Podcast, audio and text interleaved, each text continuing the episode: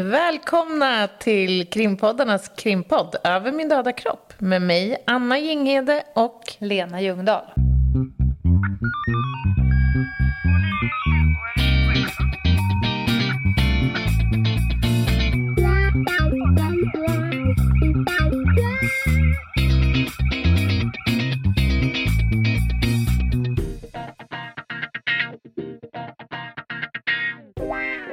Lena, mm. jag har sett fram emot det här avsnittet mm. väldigt mycket.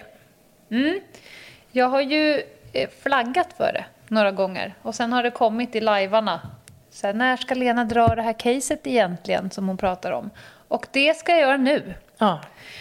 Du ska här, få ett case. Ja, alltså det här är ju ett case, när jag får så frågan, vilket ärende minns du mest? Eller vilket har påverkat dig bäst? Vilket har varit roligast? Eller vilket har varit jobbigast? Så är svaret nästan alltid det här caset. Ja, du återkommer ju ofta till det. Mm. Så jag förstår ju att det här har betytt mycket för dig. Mm. Eller vad är det som gör det? Går det att sammanfatta innan du drar det vad som är, liksom vad i ligger spänningen? I det. Ja, och det är nog för att det här caset innehåller alla delar. Mm. Saker som har gått skitbra, saker som har gått jättedåligt. Det har varit spännande, det har varit jätteroligt. Mm. Och sen så hade jag ju en väldigt fin position i det här caset för att det är så på den enheten där jag jobbade att när ett ärende avslutas spaningsmässigt, alltså att när man gör det stora slaget, mm. då är det alltid en av alla spanare som har varit involverade som får gå in och hjälpa till att utreda. Mm. Mm. För att man ser att det, det, har fallit information mellan stolarna helt mm. enkelt. Och jag hade bara flax, så det var liksom min tur. Alltså det är någonting man vill göra? Alltså, nej, man, nej, förstår du vad jag menar? Ja, inte om du frågar spanare generellt tror nej.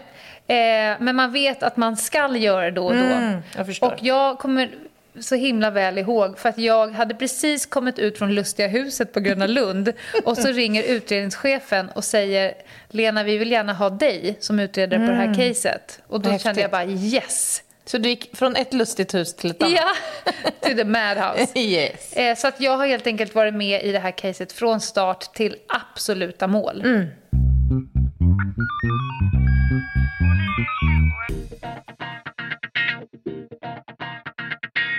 Vad spännande. Mm. Kör igång. Ja, men jag tänkte börja så här, för att alla ärenden när man jobbar med liksom lite avancerad spaning det är ingenting man arbetar upp själv. Det är inte spanarna själva som nosar upp någonting som de sätter igång med. Utan det här är ju KUTen, alltså kriminalunderrättelsetjänstarbetets eh, uppgift. Mm. De får in tips de får in information, det kan vara från utlandet, det kan vara från någon av liksom källorna. Mm. Eh, och sen så från allmänhet? Ja. Och sen så bedömer de tipset, om det är liksom trovärdigt, de förbereder och de gör ganska mycket. Mm. Så att när väl de tassar upp och kommer till span och säger vi har ett ärende, då vet man ju redan mm. att det är liksom ett... Det är bearbetat. Det är bearbetat och vi kommer, som man säger, vi ligger rätt. Ja, och man kan, vi kan väl nämna det, tycker jag, att tips är ju jätte, jättevärdefullt för mm. polisen och polisens arbete. Mm. Och det kommer in varje dag mm. en oändlig mängd tips. Och alla de här måste ju av givna skäl bearbetas på ett eller mm. annat sätt. Så det är ju inte alla tips som går till, som i det här fallet, en spaningsenhet. Nej. Och polisen har ju sådana här bedömningskriterier. Så att ett tips som kommer in, det kan bedömas som att personen som ger tipset är extremt trovärdig. Mm. Den är identifierad, det är kanske till och med jag själv som ser det. Mm. Mm. Eh, och det som personen säger är, kan man ganska snabbt vidimera som sant. Mm. Och sen kan det finnas att det kommer in ett, det ringer in någon anonym och säger någonting som knappt går att bedöma. Mm. Ja, då blir ju det lite lägre och det kommer aldrig landa på kuten och, och bereda det till span. Nej, och det, det, finns ju en annan aspekt i det här också. Det är att det är jättesvårt eh, att jobba med vissa tips eh, eftersom målsättningen är ju att lagföra personer. Mm. Om det då är någon som har sett någon, gjort en iakttagelse och som absolut ska vara eller vill vara anonym och som mm. har rätt att få vara det när man lämnar tips. Mm. Då är inte det här tipset ju heller alltid så himla mycket värt. Nej, då måste ju polisen ta det tipset och jobba upp det själv så Mm. pass så att de själva kan vara vittnen. Precis. Men i det här fallet så kom ju då eh, kuten till span och säger vi har ett nytt ärende till er. Hur, är det tomt i röret? Kan vi jobba in ett nytt ärende? Och då var det det. Då kommer de och så drar de alla ingångsvärdena. Och i det här fallet så berättade de om, om att det finns tips om att det kommer komma in ett mycket stort beslag med kokain till Sverige. Och det är det vi ska jobba på. Och då betyder det, på den enheten som jag jobbade på, att vi ska ta reda på när det kommer in, vem som ska ta in det, vem som ska ta emot det och eh, vem är det som fixar lägenheter och vem fixar telefoner och vem ska transportera och förpacka. Man är helt enkelt ute efter att knäcka en så stor bit av organisationen som det bara går. Man kartlägger allt. Man är alltså eh, inte bara intresserad av att hitta påsen med knarket. Nej, Nej. precis. Och det, det, är ju, det beror ju på att det är inte ofta där som det stora straffvärdet finns Nej. heller. Och nyttan för samhället heller för den delen. Man måste få bort organisationen också, inte bara knark.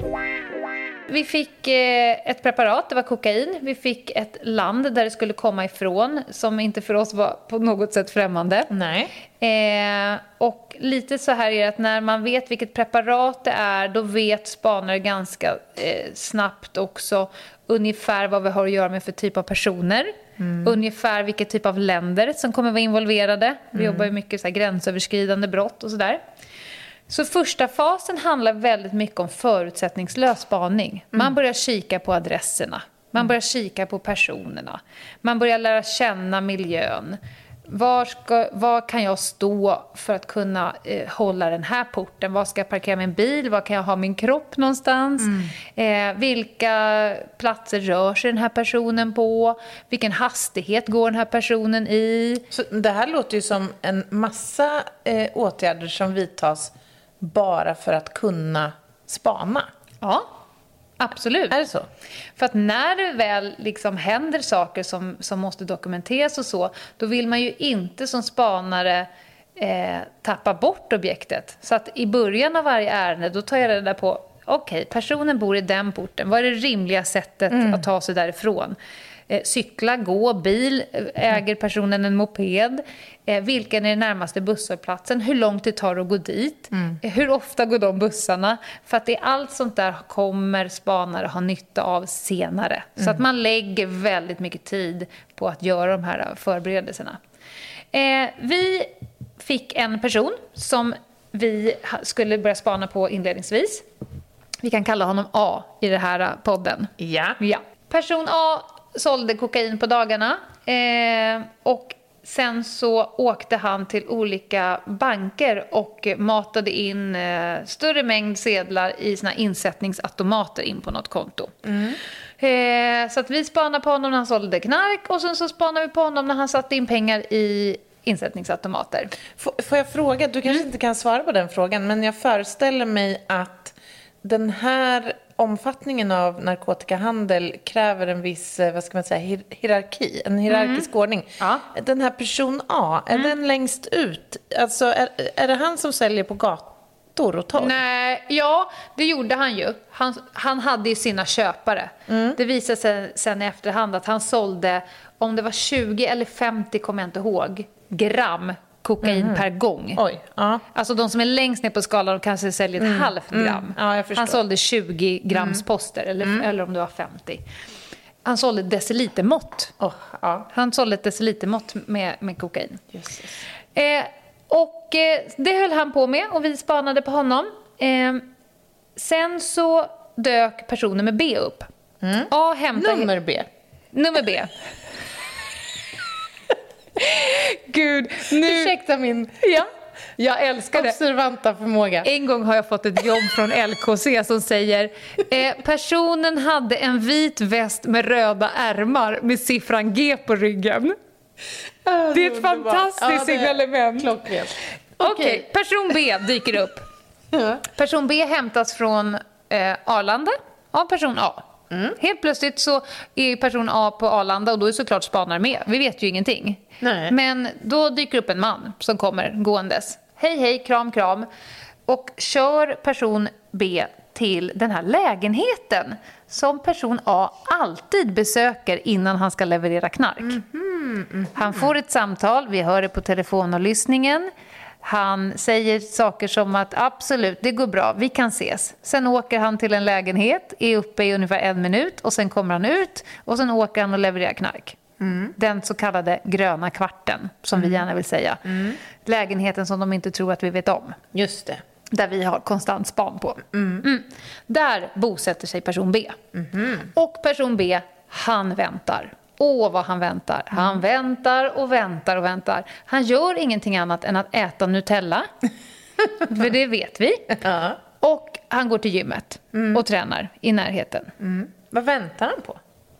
Vad väntar han på? Vi förstår att han är hitplacerad från ett annat land för att reda upp och ta emot partiet när det kommer. Mm. Så han bor där och vi hör på telefonlyssningen att han har så tråkigt. Åh, vad tråkigt han har. Och åh, vad tråkigt Spaner har. Det förlöper månader. Månad ut och månad in pågår detta. A säljer knark, B väntar.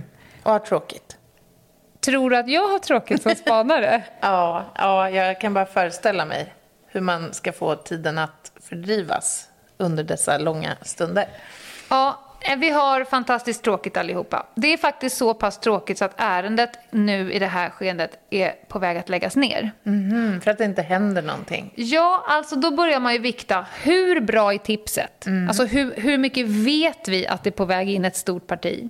Hur stort parti är det? Alltså är det värt alla skattepengar som det kostar att ligga och spana på de här? Och kanske också om det har kommit in nya underrättelser väl?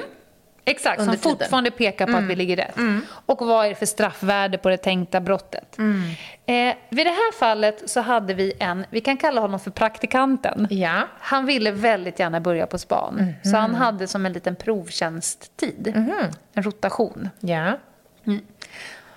Eh, Praktikanten gör det här lilla extra som trötta spanare inte orkar längre. Han är hungrig. Han är hungrig. Han vill visa framfötterna. Han vill visa den lilla framfoten. Det han gör är att varje gång person B går ut med soporna och slänger Nutella-burkar i en sån här molok, du vet en sån där som Mm, en, ja. där, där soporna hamnar ner i marken. Då firar sig praktikanten med rep ner i moloken och hämtar upp soppåsen varenda gång. Alltså han ville verkligen så gärna Ja. få jobba på span. Yes! och sen satt han i sin bil och sorterade sopor varenda gång. Och ungefär i, alltså, i samma vecka som de håller på att ta beslut att ärendet ska läggas ner, då finner han i en av de där påsarna, jag tror att det är sex stycken tre liters fryspåsar, uppklippta. Platta alltså. Och urskällda, samtliga positiva på kokain. Tack praktikanten. Tack lilla praktikanten. Ja, så vi fick fortsätta. Mm. För att vad skulle det kunna tyda på då? Det tyder på att det i den lägenheten har hanterats i alla fall en större mängd kokain. Mycket bra fråga.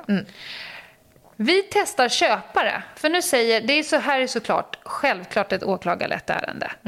Och spanare tar inga operativa egna beslut. Nej. Jag kan inte få feeling som spanare. Åh, jag tyckte han sålde knark till någon. Jag, jag griper. Är, är, det här, är det här frustrerande? Nej, Eller är det något man bara liksom lever med som ett faktum? Man är på väg mot det stora. så att okej, det här små böset är Ja. bara bös. Däremot så vet vi att det är bra i rätten att kunna påvisa att han har sålt kokain. Och framförallt vill vi komma åt kokainet så att vi sen kan jämföra det De mot beslag. Ja. beslagen, ja. Så att nu börjar det testas köp. Och det betyder alltså att när vi iakttar, vi har ju varje gång han har sålt knark har vi ju spanat och iakttagit och filmat och dokumenterat och så vidare. Men vi har låtit det ske. Eh, vi nu börjar åklagaren säga att nu, nu tar vi köparna. Det gör vi då inte nära anslutning till han som säljer, för då kommer han förstå att det är något som är... Så att vi börjar då utnyttja trafikpolisen, för att köra random trafikkontroll. Smart. En, på andra sidan stan. Vi utnyttjade typ krogkommissionen, rivkommissionen. Ja, det var väldigt många människor som helt plötsligt bara åkte fast. Mm. Och då tog man dem då för köp, innehav och så testade man ju narkotikan. Just det. Och alla de här personerna vittnade sen på slutet mot... Alltså de fick ju beskriva... Huvudmannen ja. liksom.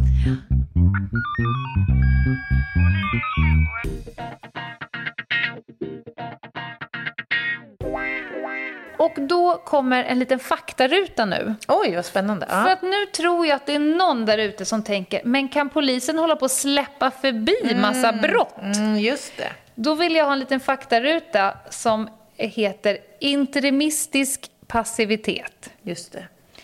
Det betyder helt enkelt att, man, att det är en spaningsteknisk metod som man använder som att man avvaktar med ingripandet.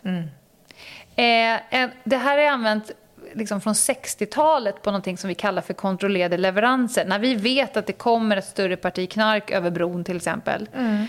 Om vi skulle ta dem på bron, då kommer vi aldrig få mottagaren, den som har köpt Precis. partiet. Så då, då gör man en kontrollerad leverans. Man helt enkelt spanar på partiet till partiet når mottagaren och sen griper man. Och då har man använt det, den interimistiska passiviteten. Ja. Och då finns det lite kriterier. Till exempel kan man inte göra det om det finns risk att någon kommer råka ut för våldsbrott. Nej. Man kan helt Precis. enkelt inte undlåta att ingripa om det kan Om det drabba. är fara för liv Ja. eller hälsa mot någon. Och sen har Åklagarmyndigheten eh, lite rekommendationer. Och då är det till exempel då man använder det här. Att kunna skaffa bevis för allvarlig brottslighet. Mm. Alltså vi släpper det lilla brottet för att kunna ta det stora brottet. Ja, alltså det måste finnas ett syfte som Ja. mer står över Ja. vinsten med det lilla. Exakt. För att beivra annan allvarlig brottslighet eller för att kunna lagföra medgärningspersonen. Eh, och det man måste göra, man måste säkerställa att ett senare ingripande kan ske. Det vill säga det är jätteviktigt för spanarna, även om man då ska släppa det, att dokumentera allting kring det. Filma personen, adresser, regnummer så att man kan lösa det där sen. Alternativt ta köparna som vi gjorde. Ja, men exakt. För att lagföring av de här mindre, om man får säga Mm. så, brotten, de, den kan ju faktiskt ske i senare skede. Absolut. Mm. Så det höll vi på med då.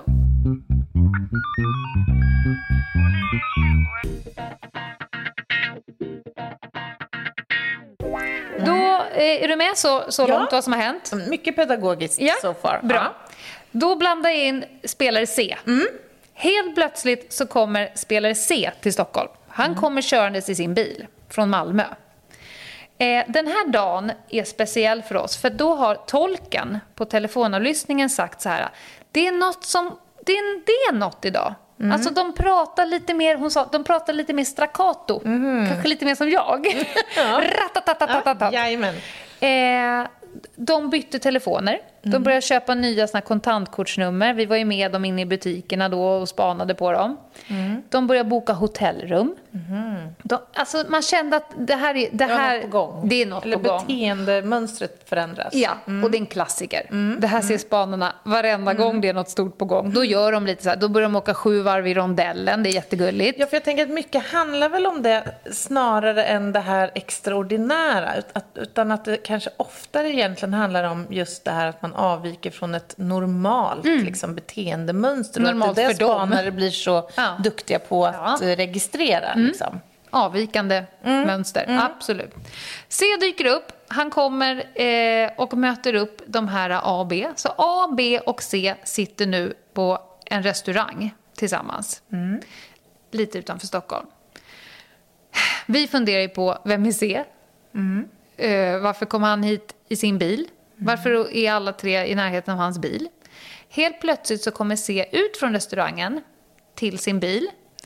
Han går och gör någonting. Vi filmar ju allting. Och den här filmen har jag tillsammans med åklagaren tittat på så fruktansvärt många gånger. För att se vad han gör. Men vad gör Ja. karln? Vi förstår ju att det här är viktigt. Och, vi titt- och jag, när, alltid när jag föreläser om det så visar jag den här filmen och så frågar jag, ser ni vad? Och det är aldrig någon som ser Nej. förrän man förklarar. Kan Men du det- beskriva då vad det är man ser han går filmen? till bakluckan, eh, lägger in något, tar ut något, han håller på att jobba med någon flaska. Så.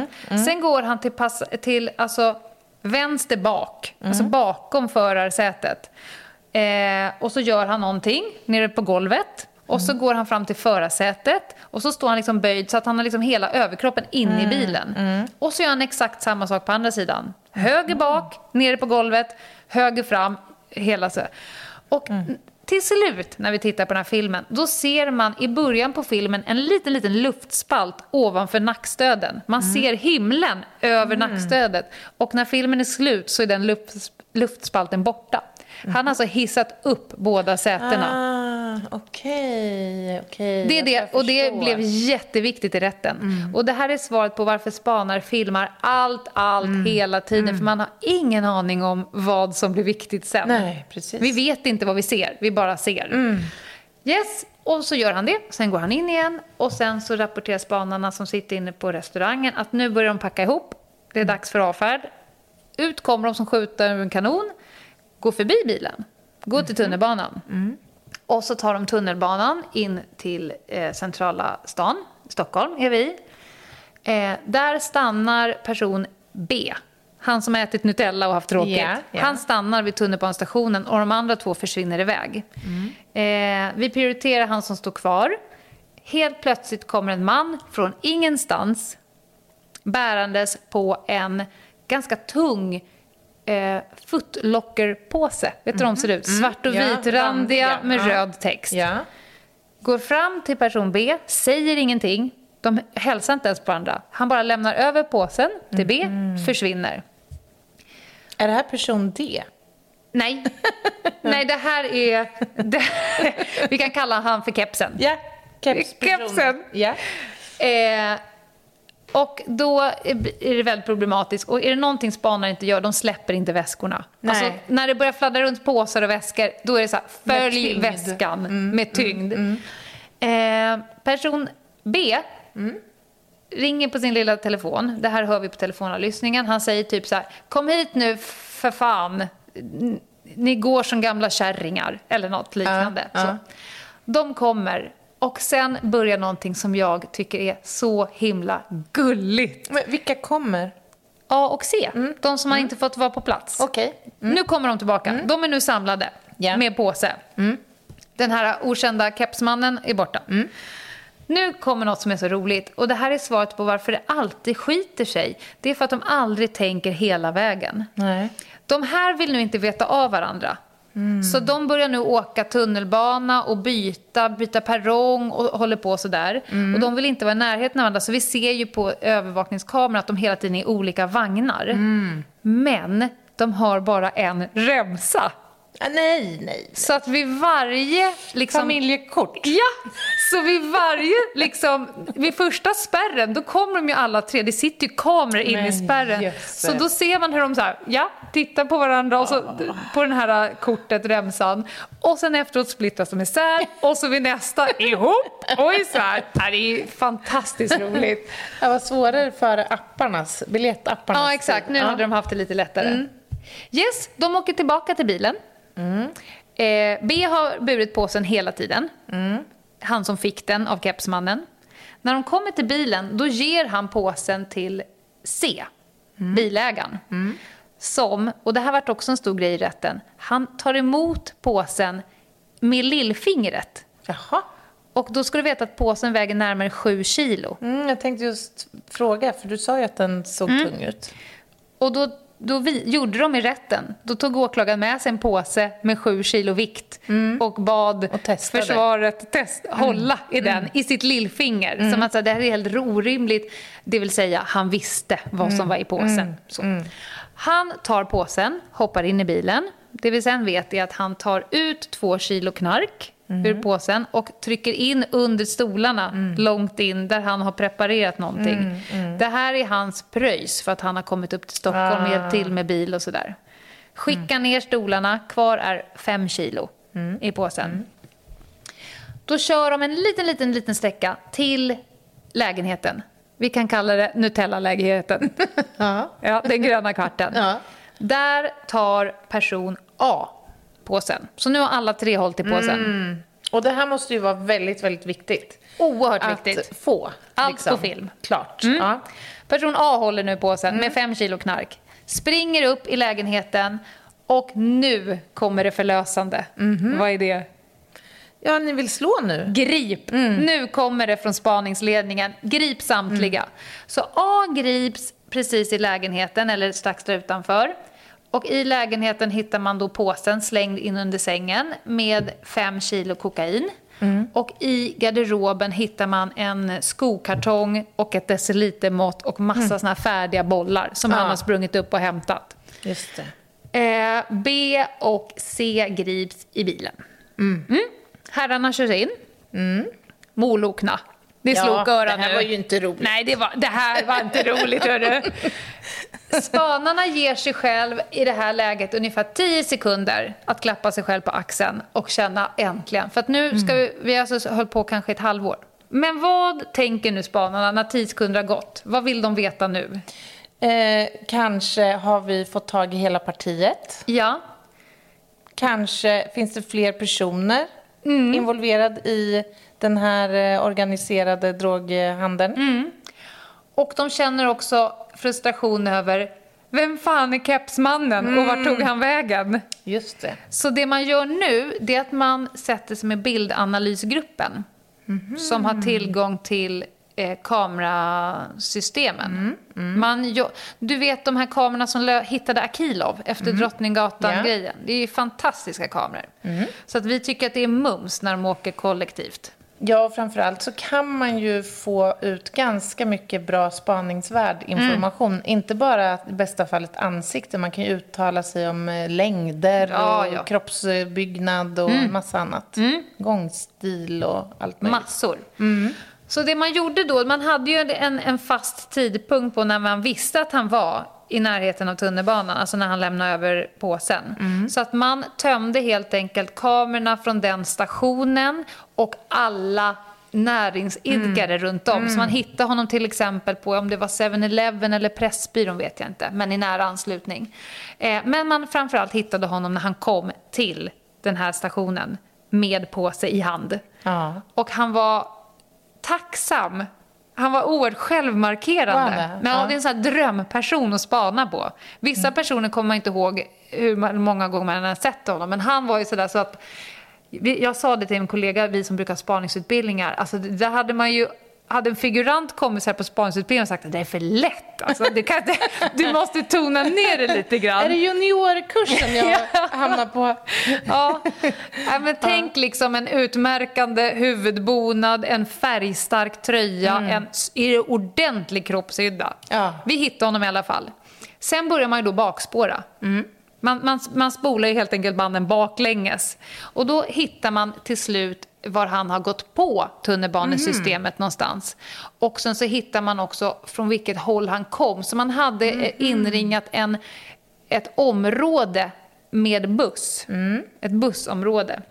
Det som händer nu är att span får göra det de absolut tråkigast. Helt enkelt bara fördela ut sig i terränglådan, höll jag på att säga, men på busshållplatserna. Sitta vänta. på busshållplatser och vänta. Från att bussen börjar gå på morgonen till att bussen slutar gå på eftermiddagen. Så det satt så mycket spanare i ett område vid varje busshållplats med Hur tänker man när man får, när man får den där mackan? “Jag har månadslön”. Ja. är det enda jag tänker då. Okej. Inte, jag måste plocka med mig fingervantar, kaffetermos och Jo då. eh, eh, en ljudbok. Du vet att i min barnvagn så kan jag ha både Ja. raggsocker och finfika och fulfika och allting annat. Ja. Ja, där satt det spanare. Mm. Sen kommer han.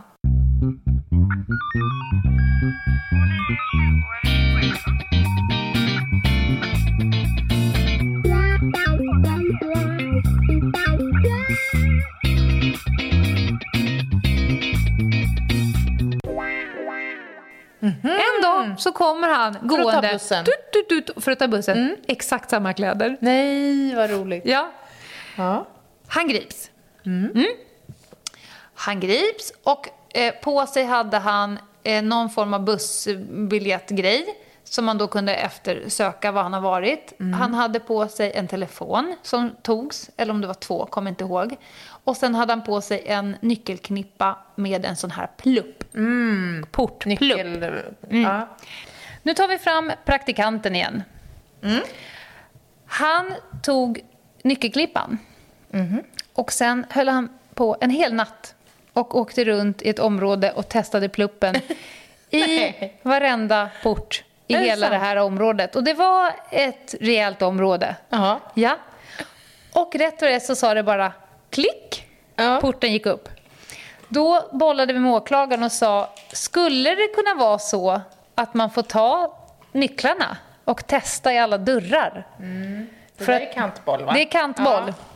Men vi hade, man kan säga att vi hade en framåtlutad åklagare. Åklagare, ja. Ja, Häftigt. som sa att inte på natten, för folk kan ju typ skita på sig. Ja, ja, nej men det kan man ju Utan förstå. Mm, det var väldigt ordnade former. Men, men det testades helt enkelt var.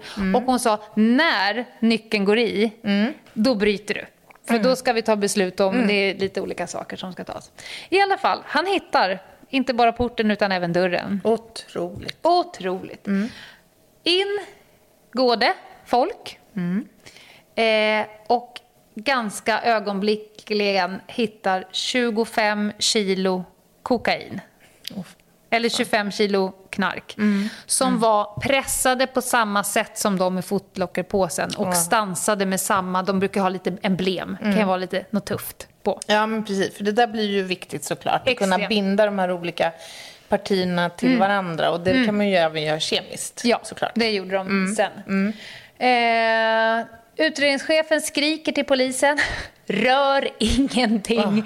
Backa långsamt ut ur rummet, in med tekniker. Och här kommer nu den största blunden i det här I svensk kriminalhistoria. Sve- Jag minns 1805, mannen på bilden. Nej, så här var det att det var en sån jävla kommunikationsmiss. Där eh, spanarna trodde att de beställde en rejäl jävla genomgång och hjälp av teknikerna att typ skru- montera ner hela Att lägenheten. alltså leta efter Le- mer ja. narkotika. Medan tekniker tänkte att vi penslar väl lite Ja, de tänkte fingrar. att de skulle göra en brottsplatsundersökning. Mm, jag förstår. Vi, vi håller den bara informationen Ja, ja, färskt. ja. Mm. Vi håller den. Men det hittades 25 kilo knark. Det som händer sen är att man tänker att det måste finnas någon annan som vet om de här 25 kilo knarken än mannen som är gripen. Mm. Så att spanare bor i lägenheten i ett par dygn och tänker att det kommer nog någon. Och så då griper vi dem också. Mm, får man fråga, eh, å- återigen, du kanske inte kan svara, men han som då satt gripen, Mm. var det hans lägenhet? Nej, så här var det. Bra att du frågar, Anna. så här var det att vi började också spana på, på lägenhetsägaren, alltså innehavaren av lägenheten. Kände ganska omgående att det här är ju iskallt. Gör en chansning och kontaktar honom. Eh, och han berättar så här att det här är mina, om det var farmor och farfar kanske, deras lägenhet. De har hamnat på hem, eh, riktigt skruttiga. Jag vill inte göra mig av med lägenheten förrän de liksom har dött, men jag inser att de kommer inte komma tillbaka. Så att han la ut den på Blocket. Ah, jag förstår. Han har en öppen visning. Det kommer massa människor på visningen och det är ett jättetrevligt par som säger att vi tar den. Du får, jag vet inte om det var 10 000 i månaden. precis. Vi kan också Överpris. betala en... Ja. Överpris. Eh, Det enda vi vill ha, att vi vill ha, eh, inte parabol, utan någon form av kod. De vill titta på TV, något annat land-TV. Mm. Fine, säger han. Eh, hyr ut den till dem. Supertrevliga är de. Det är en kvinna och en man. Pratar, eng- eh, kvinnan är hon som löser, liksom, de skriver någon form av kontrakt och hon skriver på där och sådär. Och han sa så här, bara jag kan lyckas ta mig in i lägenheten någon gång då och då och hämta eh, mormor och morfars eller farmor och farfars post. Det tyckte de var okej. Det han tyckte var konstigt att han var där vid flera tillfällen och hämtade post. Och han sa att det har inte varit någon i lägenheten. De var aldrig där. Nej. Han såg, han hade liksom ställt fram lite och så här, Ja. och blommorna vissnade så att det var inga som var där. Nej. Berättade han i förhör sen. Eh, I alla fall. Span bodde där några nätter. Gav upp efter tre, fyra nätter. De väntade då på att någon skulle dyka upp där. Jag tänkte att det, må, det kan inte finnas en person i världen som Nej. vet att det finns 25 kilo kokain. Nej, det måste. Mm. komma någon och vilja hämta det när de inser att han har blivit gripen. Det kom ingen. Span ger upp, jag blir utsedd utredare. Jag ska åka dit på en måndag och börja fota. Alltså trappuppgången, Mm. låset och så vidare. Det har varit inbrott. Nej. Så hade span sovit en natt till så hade de ju... Men alltså vad är oddsen? Ja, det var surt, det måste jag säga. Men, men jag, jag skulle ju tänka då, alltså om jag drar paralleller till eh, vilken brottsplatsundersökning som helst, då byter ju vi låscylinder. Och kanske till och med liksom bevakar platsen för att vara säker på att det inte ska kunna hända. Men jag kan i och för sig tänka mig att det kanske är svårare att göra det i ett sånt här Ja, alltså... läge. Ja, de här hade ju gått in via balkongen. Eh, De hade klättrat upp, för det var... Ja, de hade gått in via balkongen i alla fall. Och de har ju vänt upp och ner på hela lägenheten. Framförallt på det stället där det hade legat 25 kilo. Eh, De hittade... nej, de hittade eller ingenting. något annat? Nej, Nej, de hittade det ingenting. Ja. Mm. Det var tomt. Eh, och sen ska jag säga också den mänskliga faktorn. Alltså har man hittat 20, först 5 kilo plus 2 i bilen plus 25 kilo. Det är ju rekord. Alltså Alltså. den mänskliga faktorn är så här... Eh, Kan det finnas kan det finnas mer? Nej, Ja. nej. Då börjar man kika lite på honom. Man tar hans mobiltelefon. Eh, Mm. Han som är gripen då. Och så ser man att den har varit uppkopplad dels där, eh, där han lämnade över påsen. Mm. Men han har också varit uppkopplad väldigt mycket kring ett hotell inne i stan. Mm. Och mitt ute på Östersjön. Jaha. Eh, så att jag åker till hotellet. Eh, jag presenterar mig och jag ber om att få sitta i deras skyffe bakom kontoret och gå igenom övervakningsfilmer. Mm. Från, för då har jag en tidpunkt liksom, runt där telefonen är uppkopplad. Ja, just det. Jag hittar dem ganska omgående. Ja. För att de lämnar aldrig eh, hotellet. Alltså jag ser dem på filmerna. De kommer ner på morgonen, de går och sätter sig vid datorerna, sen sitter de hela dagen, så går de upp igen. Mhm. Så jag frågade, drog en chansning och frågade om receptionen och de, de där minns de ju. Jaha. De betedde sig jättemärkligt. De kom ner och cashade ny natt varje morgon. Mhm. Vi stannar en natt till, vi stannar en natt till. Mm. Cashar. Och så gick de och bara satte sig vid datorerna. Vi tyckte det var Jaha. lite märkligt. Ja, vad turist, märkligt. eh, turistande att bara Ja. vara i foajén på vårt hotell. Ja, verkligen. Mm.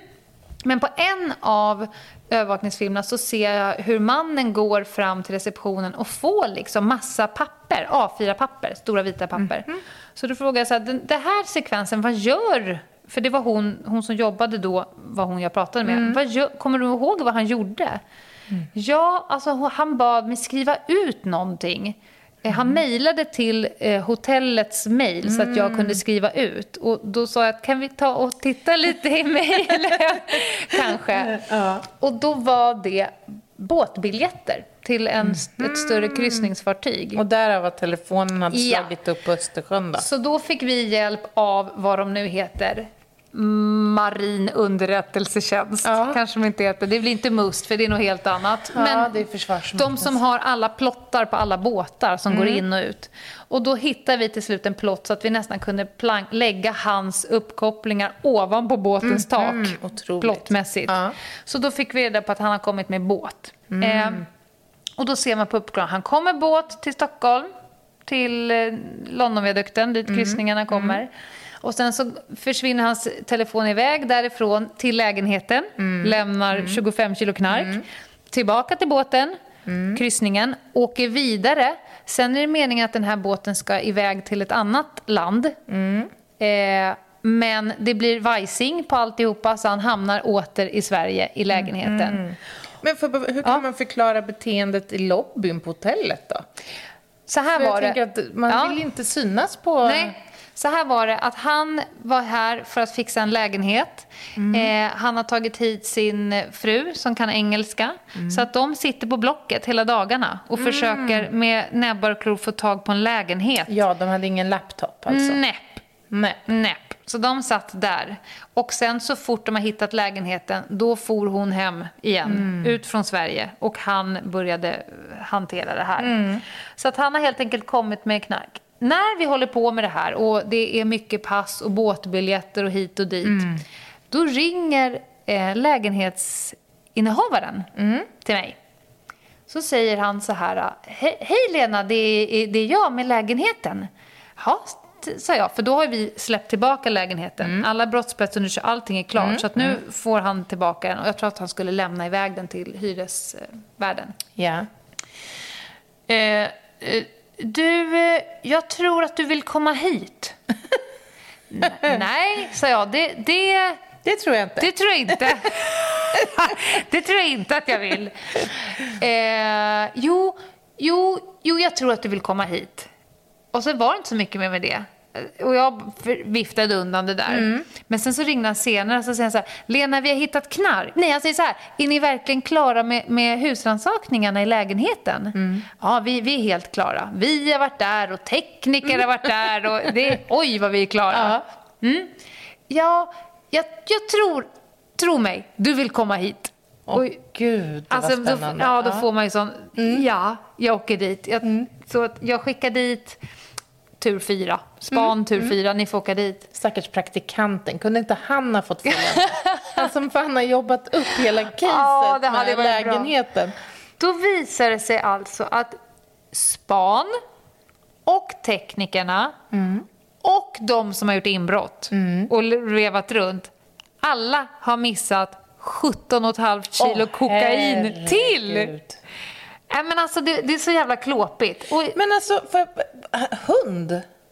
Hade man hund i den där är man lägenheten? förkyld? Ja. Eller något? Ja. Jag vet. Jag det, vet det låter ju helt obegripligt. Ja, det, det Men, var eh, det. ja. Men faktum kvarstod. Lesson learned, kan man säga. Mm, learned. Ja, det kan jag säga. Det hade så mycket krissamtal efter det här. Och ingen som helst pajkastning. Nej, Utan det mer så här. Mm. hur, vad trodde ni att ni gjorde där? Vad trodde vi att vi... Och Span som för en gång skulle bromsa på tröskeln och gick ut Ja. fick fortfarande inte cred för Nej. det. För då blev det ändå inte hittat Nej, någon knark. precis. Så det blev verkligen knas. Och den enkla, det enkla svaret är kommunikationsmiss, Ja. ja. eller? Ja. Mm. Att inte span och tekniker har kommunicerat tillräckligt Mm. mycket om vem som ska göra vad och vad som inte gjort och vad Mm. som är gjort.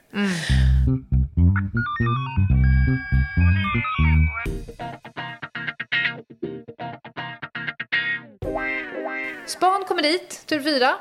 Tjena tjenare. Då möts de av lägenhetsinnehavarens morsa. Aha. Då säger hon så här, eh, jag är jättedålig på att bryta på ryska, men då säger hon så här, eh, det står 17,5 kilo kokain på, vard- på en våg i vardagsrummet. Ja, säger de. Hon har vägt. Ja, hon har inte bara tagit fram det, hon har också sprättat upp det Va? och gnuggat Nej, lite nej, mot nej. tandköttet. Och varför gör man det? Jo, för att kokain är det enda preparatet som är lokalbedövande. Så det är ett sätt att testa om det är kokain. Ja. Och då säger hon så här, ni är inte så vana med grova brott i det här landet. Jag ville bara kolla att det inte var en bamb. Nej, men alltså... Förstår du att det står ett gäng med spanare och tittar så mycket under lugg och känner så här, nu är vi bara tysta. Ja. Ja. Ja det, hade, det var ju inte riktigt läge att ta henne för eget bruk. Nej. Får pissa här. Ja. Nej, nej. Det var ju ändå, man måste ju säga, hon ganska djärv ändå. Handlingskraftigt. Ja, verkligen. För, för, och teknikerna Hon var... hade varit med om lite skit Ja, i sitt liv. teknikerna var så här, okej, någon borde flyttat det, packat upp det i en, Slickat ny, på det. i en ny kartong, sli, sprättat det. De bara, ja, vi får bara hacka i Ja. oss. Men, Men kanske att man innan man lämnar, man säger du vi skulle behöva lite jämförelse. Ja. Eh, fingrar Ja, och saliv. lite olika och saker. Lite olika saker. Men det som hade hänt var alltså att han skulle tömma lägenheten, lägenhetsinnehavaren. Han tar dit en polare Aha. och de ska lyfta iväg ett vitrinskåp som ska slängas. Och då när de lyfter det så tittar polaren och så säger han så här, vad är det där för någonting? Och då är lägenhetsinnehavaren så in i helvete snabbtänkt. Ja. Han vet ju vad vi har, Liksom, vilka vi är och vad vi har hittat. Så han säger så här, du, eh, det där är tegelstenar som vi har lagt för att farmors vitrinskåp inte ska rasa över henne. Ställ ner skåpet, jag kör dig till tunnelbanan, jag kom på att jag måste iväg. Så han lyckas Men liksom få ut polaren i lägenheten. Ringer mami som kommer Ja. dit och gör en liten En liten, eh, besiktning. ja, precis. En liten provsmakning. Nej men alltså, Ja, gud. men jäklar, det var ju bara att stå med mössan i hand för Ja. honom sen. Men i alla fall, 17,5 kilo till. Och sen var det lite små duttar här var. Det slutar alltså med att man hittar 49, komma någonting kilo, alltså nästan 50 kilo kokain. Otroligt. Och nu kommer det sjuka i allt det här, för nu, nu börjar utredningsarbetet. Ja, ja. Mm. nu har det ju bara varit extremt operativt. Men renhetsgraden på alla de här, det gjordes ju jämförelseproverna och allt hörde ihop, hörde ihop, med varandra. ja. Mm. Renhetsgraden var mellan 96 och 100 procent på Otroligt. alltihopa. Och det säljs ju inte så på gatan. Nej. Nej, men det gör det ju inte. Och det innebär ju då att om, det, om partiet är upp mot 100 procent, Ja. då kan du ju slå, som det kan, slå ut det här Man slår ut det. ett antal gånger. Ja, säkert tre varv minst. Mångdubbla värdet ute på gatan. Nu ehm, börjar det hållas förhör. Då har vi ju person A, person B, person C, mannen med kepsen. Ja. Kvinnan som har fixat lägenhet och så vidare, hon är ju inte längre i Sverige. Och nu kan vi prata lite rättshjälp. Har du någon erfarenhet av rättshjälp? Mm, eh, lite grann om du med avser eh, över gränserna rättshjälp. Ja, jo, men det har jag. Jag har samarbetat med både Europol och Interpol och Sirene och alla möjliga såna här som, som kan förmedla. För det handlar ju om det, att vara länken mellan svensk polis och eh, sambandsman eller annan eh, i, eller vad, vad heter det nu, POC, Point of Contact i det andra landet. I det här fallet så befann hon sig i ett land där man inte hade så mycket samarbetsavtal. Vilket gjorde att vi ville ju väldigt gärna förhöra henne. Eh, och det la vi ner. För då sa de så här, ja, ni får, det var typ, ni, ni får ställa fem frågor och de kan ni faxa ner till oss. Aha. Så ska vi se till att ni får ett svar. Det är ju inte värt Nej, ett det, dugg. det är det ju inte. Nej. Så det sket sig. Men med de andra herrarna, fyra till antalet, då, då hölls det förhör. Jag tror att vi höll 50 förhör totalt med alla in, involverade. Och om jag ska beskriva de här förhören eh, så är de... Det är väldigt tyst om sin inblandning.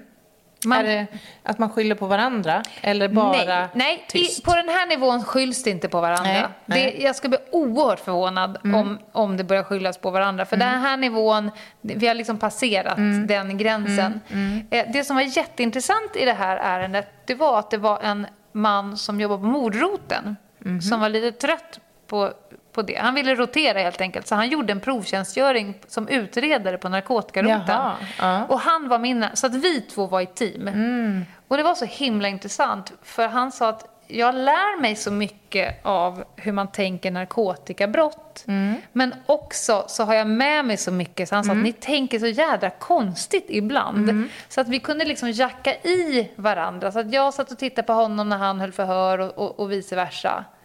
Nej, han, är, han är riktigt, riktigt vass. Det var, spännande, för jag, jag har inte tänkt så mycket på det där som du nämner nu. Men man tänker sig att en mördare som inte vill berätta Mm. har ju helt andra motiv bakom sina brott och lo- lojaliteten som ligger på andra ställen, så att säga. Mm. Eh, någon som misstänks för grov eh, narkotikahantering har ju en lojalitet kring många personer i kanske ett, eh, som sagt, ett Mm. nätverk och sådär. Medan en mördare har eh, liksom andra saker att skydda och värna. Det finns att- ju ingen organisation Nej, förmodligen precis, så att- bakom.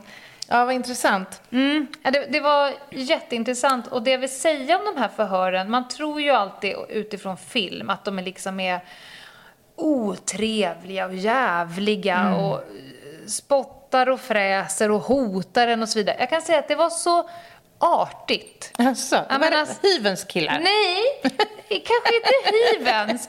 Men all, så, ja, Ja. snudd på. Alltså, de gör ju sitt jobb, är sin eh, smugglar stora mängder narkotika. Men det finns en, en outtalad respekt inför att jag gör mitt jobb. Det är lite katten och råttan. Vi är väl lite inne på begreppet tjuvheder, är vi inte? Lite inne på tjuvheder. Och jag vittnade ju mot många av dem i, sen när det gick till, till tingsrätten. Var det läskigt då?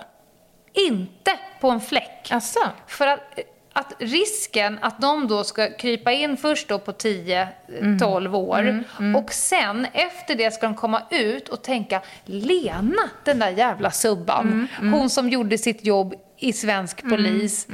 Eh, det var hennes fel att jag... Nej men det, det är så Nej, det otänkbart. finns en respekt där alltså. Nej, så det, det, men, men eh, de pratar väldigt mycket och väldigt gärna om allting utom sånt som kan placera dem själva på brottet. Och det är ju deras jobb Men att det är göra ju så. klassiskt också. Ja, det är det ju. De vidimerar, de går med på vissa saker, men så fort man Mm. närmar sig att de liksom är på den platsen eller känner den personen, då är det så här, Mm. Det blir mycket svårare. Nej, Nej, det jag tror, tror jag, faktiskt inte.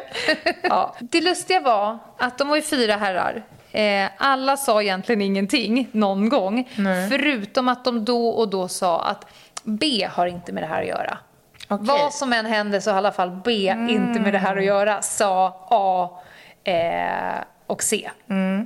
Eh, s- så, eh, och han i, i kepsen sa ingenting, för han visste ingenting. Han var ju liksom på sidan av. Vilket gjorde att åklagaren direkt levlade upp B. Som huvudperson. Ja, och det var ju han som vi visste från början hade blivit placerad här för att hålla på med det här. Ja, det. Eh, så han, de andra visste ju inte om det, men de uppgraderade ju honom själva. Ja, precis. Och man kan väl också ändå säga att det är ju sällan en fördel att vara tyst. Att inte säga Ja, nej det, någonting. nej, det är det ju inte. För en själv. Nej. Och han hade ju, så, oh, för vi pratade ju, de var ju extremt duktiga med att hålla isär telefonerna. De här charten som polisen gör, de sitter och kopplar ihop telefoner och vem som pratar med vem. För vi kan än idag inte förstå hur eh, A, B och C hittade kepsmannen. Okej. Alltså det finns inget samtal som säger Nej, nu träffas vi. Utan vi har massa samtal från A, B och C hem till hemlandet och vi har massa samtal från kepsmannen till sitt hem. Men vi har inget samtal dem emellan. Så förmodligen har ju Men det har funnits fler telefoner då? det kan ha funnits fler telefoner eller så har de pratat ihop i, med varandra i nästa led som vi inte ser. Ja, jag förstår. Eh, så, och eh, nu röker då A, B och C röker på grovt narkotikabrott. Och kepsmannen på grovt narkotikabrott och smuggling. Ja, just det. Åklagaren lyckades inte binda dem till att de skulle ha en del i Nej, införseln av narkotikan. Men det grova narkotikabrottet.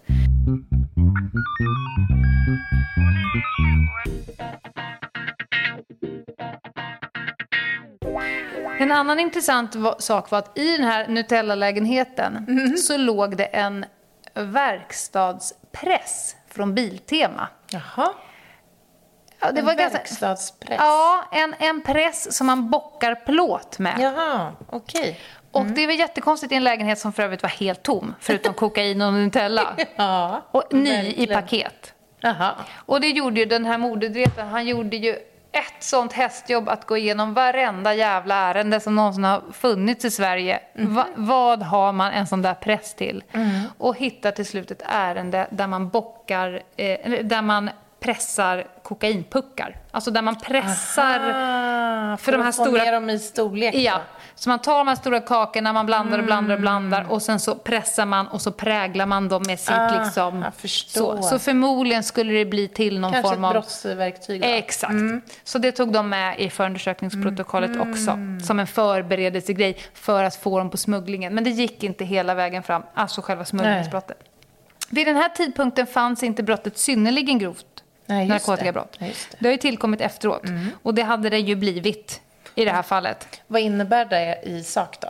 Då är det mängderna man tittar på. Ja, man tittar på olika saker. Det kan vara extremt hänsynslöst, det kan vara mängden, det kan vara halten, det kan vara någonting annat. Att man utnyttjar unga, till exempel. Ja, just Eh, om man utnyttjar unga kurirer som får springa med knark och vapen och sånt där, då är det ju extra hänsynslöst. I det här fallet så hade det blivit synnerligen grovt, tror jag. Eh, att det låter ju så. Både Sett på grund av vikt, mängderna, vikt om och halt. Ja. Halten var ju bizarr. Så här är det ju med narkotika. Ibland får ju jag frågan så här, är det inte tröstlöst att hålla på med det här? Alltså för att man brukar säga att vid en sån här narkotikahubb Alltså det här, Sverige var inte enda landet de placerade en Nutella-ätare i. Utan det fanns ju liknande överallt. Eh, man, de skulle kunna bli av med åtta av tio leveranser och ändå gå i vinst. Jösses. Förstå avansen Ja. på deras grejer. Ehm, Men det säger mig, eh, för- då har jag en fråga där. Då har ni ju jobbat väldigt aktivt och eh, framgångsrikt med de här individerna i Sverige. Eh, Men då kan man ju tänka sig att ovanför, eh, alltså över det här ledet så finns det ju ytterligare Ja. huv, en- någon huvudperson. Är, är de helt untouchables? ja. Är det så? Alltså, jag ska inte säga helt, men det är jättesvårt. För att jag har i flera ärenden kommit till en viss nivå. Man hör namn som man aldrig lyckas ta. Nej. För att det ska man också komma ihåg att i deras hemmiljö så är det de här pengarna som har byggt gator, sjukvård, Ja, de ja. sitter kanske i regeringen. Alltså, så att man når till en viss punkt. Men då får man inte bli för så här, men då är det ju ingen idé. Det är, liksom, det, är det som folk vill säga, men då är det ingen idé att ni håller på. Jo, det är det. För att jag tassar ju över till de som håller på med ungdomssektionen. Efter vi har tagit det här partiet, då gick ju kokainpriserna upp skyhögt Ja. under en period. För att det, fi- För det gick, fanns det ingen. fanns inget. Eh, och det var svårt att få tag på. Mm. Och sen så återhämtade det sig. Men så länge som det är olagligt att hålla på med narkotika så kan ju polisen inte välja att inte göra Nej, det nej. för att det inte är någon idé. Utan det måste finnas med som en, en spelmarkör i om du ska börja hålla på och Mm. langa narkotika. Då kan du också få, i det här fallet, 10-12 års Mm. Ja, ja, ja. fängelse. Visst. Annars så hade ju många fler satt igång. Ja, Ögonaböj. Säkert. Ja, och jag tänker att idag så finns det ju ett ganska utarbetat samarbete Ja. mellan Sverige och många andra Ja, länder. Eh, Interpols verksamhet har ju verkligen ökat och blivit riktigt bra i många avseenden. Plus att jag tänker att mycket av den här hanteringen idag sker i digital form via nätet och så. Vilket ger en ny plattform att agera på, men det ger ju också polisen nya möjligheter faktiskt. Att eh, spana på det sättet. Ja, och om jag bara ska sammanfatta varför det blev som det blev. Det är ju dels att det är bra ärenden som kuten får jobba med. Dels att man vågar ge span tid. Uthållighet är ju en så här, för det fanns många dagar, vecka ut och vecka in, de här på att dö av tristess. Tack och lov var det så att de här herrarna hade lite som en fritidsgård. Det fanns en, en bar i Stockholm, så att, för man tappar ju bort dem ibland. Man kan ju inte sitta liksom i knät på dem Nej, hela nej, tiden. det är klart. Då åkte man till baren, då dök de upp. Jaha. Det var bara så här, Ja. "Aj, fan, jag- han försvann här i korsningen för Ja. mig. Kan, kan jag skicka någon dit Ja, bort så att ja. han kommer komma snart? Ja. Vad som är, vi kallar för hembygdsföreningen där borta. Men det låter som en enormt resurskrävande det är det. operation. Det är det. Att ha, hur, kan du säga ungefär hur många spanar som krävs för att hålla ett sånt Alltså från ett spår, eller från ett eh, tips till att, att man slår. Vad, vad snackar vi liksom? Är det tio man under sex månader? Eller är det liksom... Nej, Jag säger inte numerär Nej. för det är spaningsmetodik, Ja. men det är fler än vad man tror. Ja. Och det är inte tio. Nej, jag det är. Mm. fler än vad man tror. Eh, och det tar oftast, alltså spaningsärendena, man kan ju ha flax. Man kan ju, jag, har ju, jag har ju en trafikkontroll, stoppat en person, eh, gått igenom mobilen, hittar en bild som ser ut som knark, ställer förhör, tagit beslut om husrannsakan och sen Och så tre det upp sig till... och sen hittar jag 3000 tabletter ecstasy. Mm. Ja. Någonting som någon annan enhet kan spana på ett halvår. Ja. Det är såklart att det händer. Mm. Men om man ska lyckas ta så många som möjligt och Mm. komma så högt upp som möjligt, då måste man ju lägga lite tid på det. Ja, det. Men i det här fallet också, praktikantens underbara Ja. blodhundsmaner, Ja. eh, tur. Hjälp av allmänheten, alltså lägenhetsinnehavaren som väljer att ringa oss när han hittar knark istället för Ja. ta 17,5 kilo knark. Ge det till mamma. Ge det till mami. Säljer det på hemmet. Nej men det är så många delar eh, som, som behöver klaffa. Och jag kan säga att jag har säkert missat kilon och åter kilon. Du också. Ja, ja, givetvis. som man aldrig får reda på. I det här fallet så var det då självklart också hemliga tvångsmedel. Det har jag inte pratat så mycket om. Men vi hade ju Det har vi pratat om i en annan Ja, vi hade mycket hemliga tvångsmedel Mm, på den här nivån såklart. Och, och en jädrigt på åklagare. Ja, det är ju en bra grej. Hon låg ju alltså med, med hela vårt ärende på magen i sängen. Hennes man, man kunde ju ringa till henne så var det så här, ja, eh, Göran jag måste prata lite här nu. Ja. Du vet, hon var så engagerad i det här. Ja, vad häftigt. Och sen så vill jag avsluta med att säga, när man sen ska gå till rätten med det här, Mm. då ska du tänka att det är sex månaders spaning. Det är fyra personer eh, misstänkta. Varav samtliga hade flera olika identiteter och flera olika pass. De hade ett gäng med mobiler. De har hetat olika saker under ärendet. För när vi börjar spana på B vet vi inte vem B är. Så Nej. då blev han Arlandamannen. Mm, för min spangrupp. Men nästa dag så var han inte på Arlanda utan han hade en röd jacka. Så då hette han mannen med den röda jackan. Ända tills vi lyckas identifiera honom. Så att när de sitter där i rätten, tingsrätten, nämnd, Ja, nämndemännen i tingsrätten. här, ja. Du vet, de ser ut som ormen i Djungelboken när han ska söva Mowgli, när det bara snurrar. Och vi ska försöka förklara det här. Så att det tog åklagaren två dagar. Ja. Så bara göra framställan, Med att förklara caset. Och sen alla sms, alla timmar ut och timmar in med film. Det är en utmaning att göra det liksom. Och nu vet jag att polisen faktiskt äntligen har börjat ta hjälp av mediebyråer som pa- förpackar istället för att man själv ska sitta som en klåpare och trycka sig igenom någonting i Powerpoint. Ja, alltså vi stöter ju på det här eh, dilemmat titt som tätt också. När, när det är stora komplexa, ja men mordutredningar är väl det vanligaste.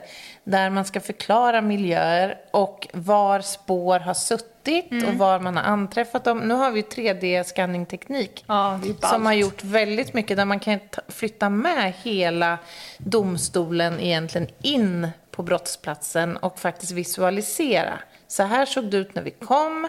Här gjorde vi spåret, eller fyndet av det här fingeravtrycket. Här hittade vi den här blodbilden ja, och så vidare. Kan inte vi... Har du sån utrustning? Ja, det, ja det, det går att lösa. Jag, har, eh, jag kan nog ta fram presentationer också. och Vi kan... Det vore asballt att typ lajva Ja, det vore det. och göra en sån någon Ja, gång. absolut. Det finns appar till och med i telefonen. Nej. Där man läser in eh, i 3D.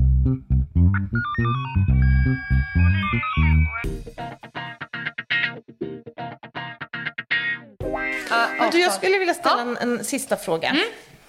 Vad skulle du säga har varit den viktigaste lärdomen? Dels för dig som yrkesperson, men kanske också för svensk polis, det här ärendet. Eh, oj, jag skulle säga att den viktigaste lärdomen är att utnyttja varje resurs bästa egenskaper. Alltså att låta specialister vara specialister och inte generalister. För det här caset hade aldrig löst sig om inte de proffsigaste spanarna var Alltså fick jobba med det. Man utnyttjade bildanalysgruppen. Man utnyttjade proffstolkar, eh, de som håller på med teknikspan, teknikerna. Alltså att, att jag, om det är någonting som jag skulle vilja se att polisen fortsätter att utveckla, jag vet att man försöker med det, men det är att krama ut det bästa ur var och en av alla anställda. Och det tycker jag att det gjordes ganska bra i det här caset. Mm, det låter ju onekligen så.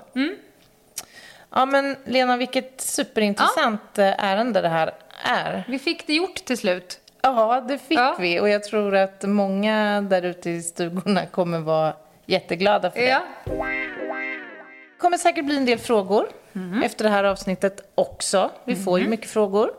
Eh, och vi försöker att svara på dem så gott vi bara hinner och kan. Mhm. Ni kan mejla oss på ljungdahloginghede.gmail.com eller besöka oss på Instagram, Ljungdahl och Ginghede. Och jag tycker att ni ska glida in på podstore.se nu där vi har vår merch-shop. För nu vet jag att de också har fått in linnen Ja, i detta sommar. Jag har varit där eh, och provat linnena. De- är nice. Det finns eh, i två olika modeller. Så eh, in och shoppa upp er på lite linnen. yes. Så hörs vi på måndag. Ja, det gör vi. Bye, bye! Bye, bye.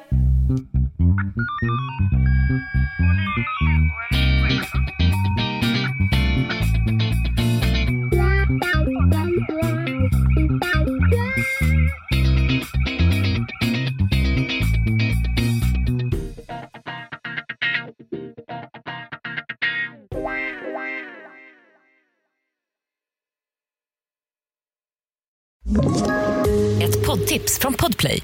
I podden Något Kaiko garanterar östgötarna Brutti och jag, Davva, dig en stor dos skratt. Där följer jag pladask för köttätandet igen. Man är lite som en jävla vampyr. Man har fått lite blodsmak och då måste man ha mer. Udda spaningar, fängslande anekdoter och en och annan arg rant. Jag måste ha mitt kaffe på morgonen för annars är jag ingen trevlig människa. Då är du ingen trevlig människa, punkt. Något Kaiko, hör du på Podplay. Därför arkadeinerna.